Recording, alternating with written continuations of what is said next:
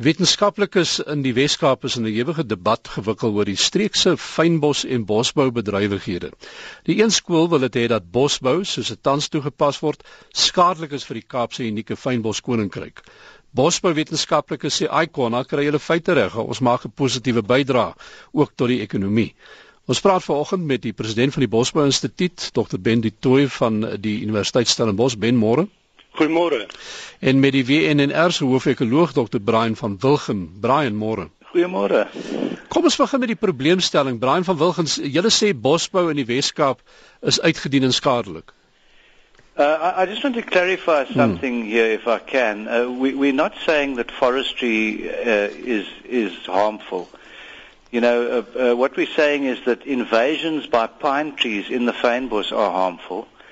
And uh, there's a link between those forestry plantations, unfortunately, and the pine trees that are invading. So, you know, forestry in itself is, is, is, is useful and it, and it delivers value and so on. But the problem is that the pine trees that they're using are escaping and getting into the catchments. Ben de Toy, julle stem nie saam nie. Ek het eers gelees ook jy sê maar julle bome raak al hoe minder en minder 'n probleem wanneer dit kom by indringer spesies. Absoluut. Uh, ek wil net begin deur te sê uh, wat wat ek verskil 'n bietjie van Brian want hy het by verskeie geleenthede het hy nou al alles in sy vermoë gedoen om bosbou swart te smeer, jy weet deur halwe waarhede te verkondig, selektiewe rapportering te doen. Hy het byvoorbeeld gesê dat die watergebruik van die bome is hy praatjies gemaak van 55 tot 100% afname in stroomvloei terwyl ons almal weet dat die werklike gemiddelde stroomvloei reduksie maar 3 tot 4% is. Jy weet so deur sulke halwe waarhede te verkondig en selektiewe beriggewing ontneem jy jouself van jou geloofwaardigheid as wetenskaplike naderhand. En ons is dik daarvoor moeg en siek en sat. Ons sê kom ons kom terug na die ware feite.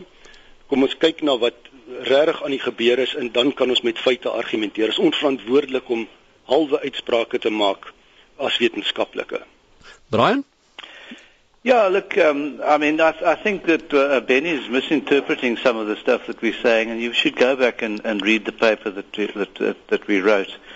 Um, the, the facts of the matter are that, uh, you know, forestry plantations do use some water, uh, and that's, that's okay as far as I'm concerned, because every single form of, of uh, agriculture uses water. You know, irrigated crops use water, sugarcane uses water and so on. So that's not really the issue. The issue is that the pine trees are escaping into the catchment areas where they will use more, much more water than the fynbos, and we can ill afford to lose that. You know, uh, lose that water. The economy can't afford to lose water in a country that is where water is limiting.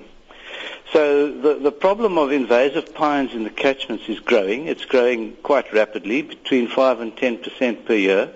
And you know, at some point we're going to to regret that we didn't do anything about it. Waar kom daardie indringers vandaan wat jy van praat?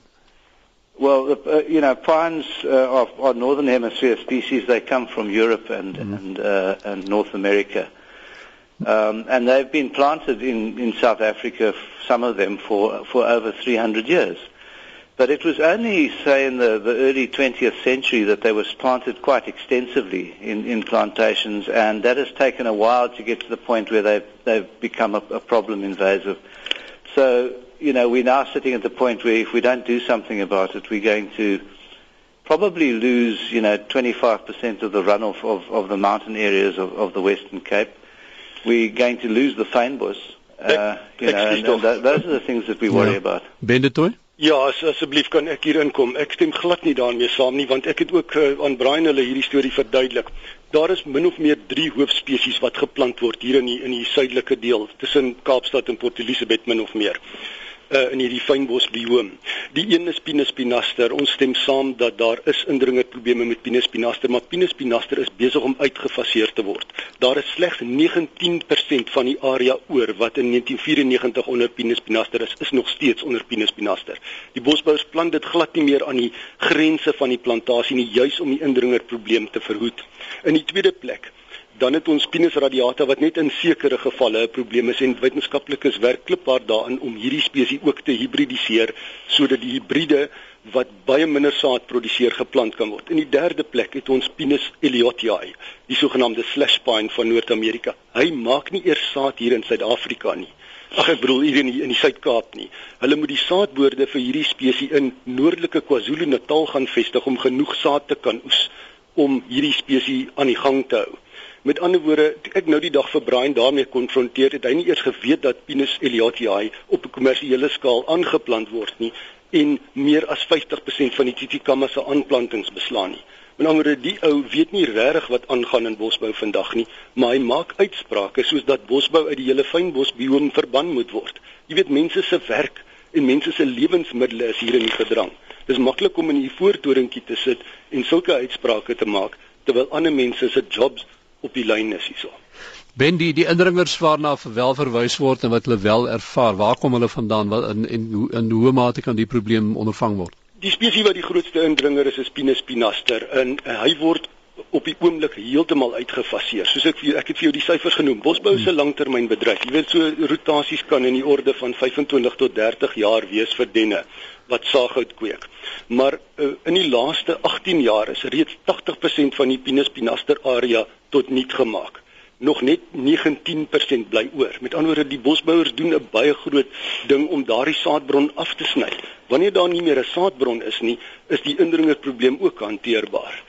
En uh, soos ek sê, aan hoeveel plekke in bosbou het ons al in Suid-Afrika? Ons het omtrent al uh, sekere goeie 10 denne hibride wat ons maak. Daai hibride is baie minder uh, saad wat hulle produseer wanneer 'n mens hulle in 'n klonale blok aanplant sal hulle mekaar bestuif wat effektief selfbestuiving is, dan vind is die kanse om indringend te raak baie baie kleiner as wat jy met 'n suiwer spesies werk.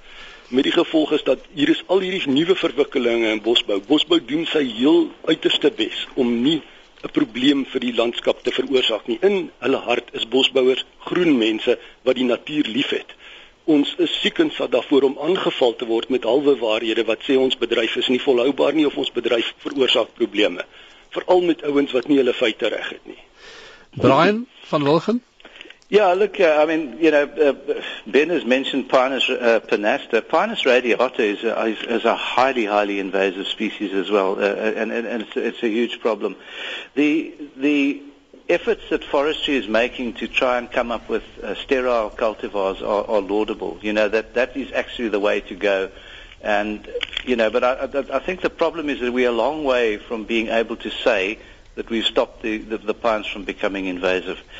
But let me just say that you know we, we have we have not said stop forestry. What we have said is that it's an option that needs to be considered amongst other options.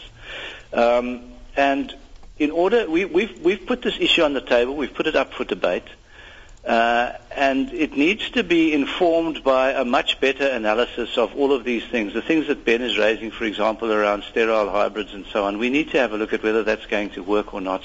We need to have a look at whether the, the trade-off between the damage done by invasives and the value of the forestry industry is, is, is, the, is the right balance that we need in the future. So you know, I'm, uh, the way the way forward I see on this is to do a much uh, a much more in-depth study of, of the whole issue, to get all of these facts so that we don't sit and sling mud at each other about you know this guy doesn't know his facts and so on. We need to get all of those facts onto the table, and then we need to have a policy decision one way or the other. And whoever makes that policy decision is going to have to be a brave person because they you know that, that, that it has implications either way. Nou ja, ek is bevrees die tyd het ons daar ingehaal. Dis 'n duidelike gesprek wat nog uh, lank sou kon voortwoed, maar uh, ons sal moet begin groet. Ons sê dankie aan Dr. Ben de Tooy wat deelgeneem het aan hierdie gesprek. Dr. Brian van Wilgen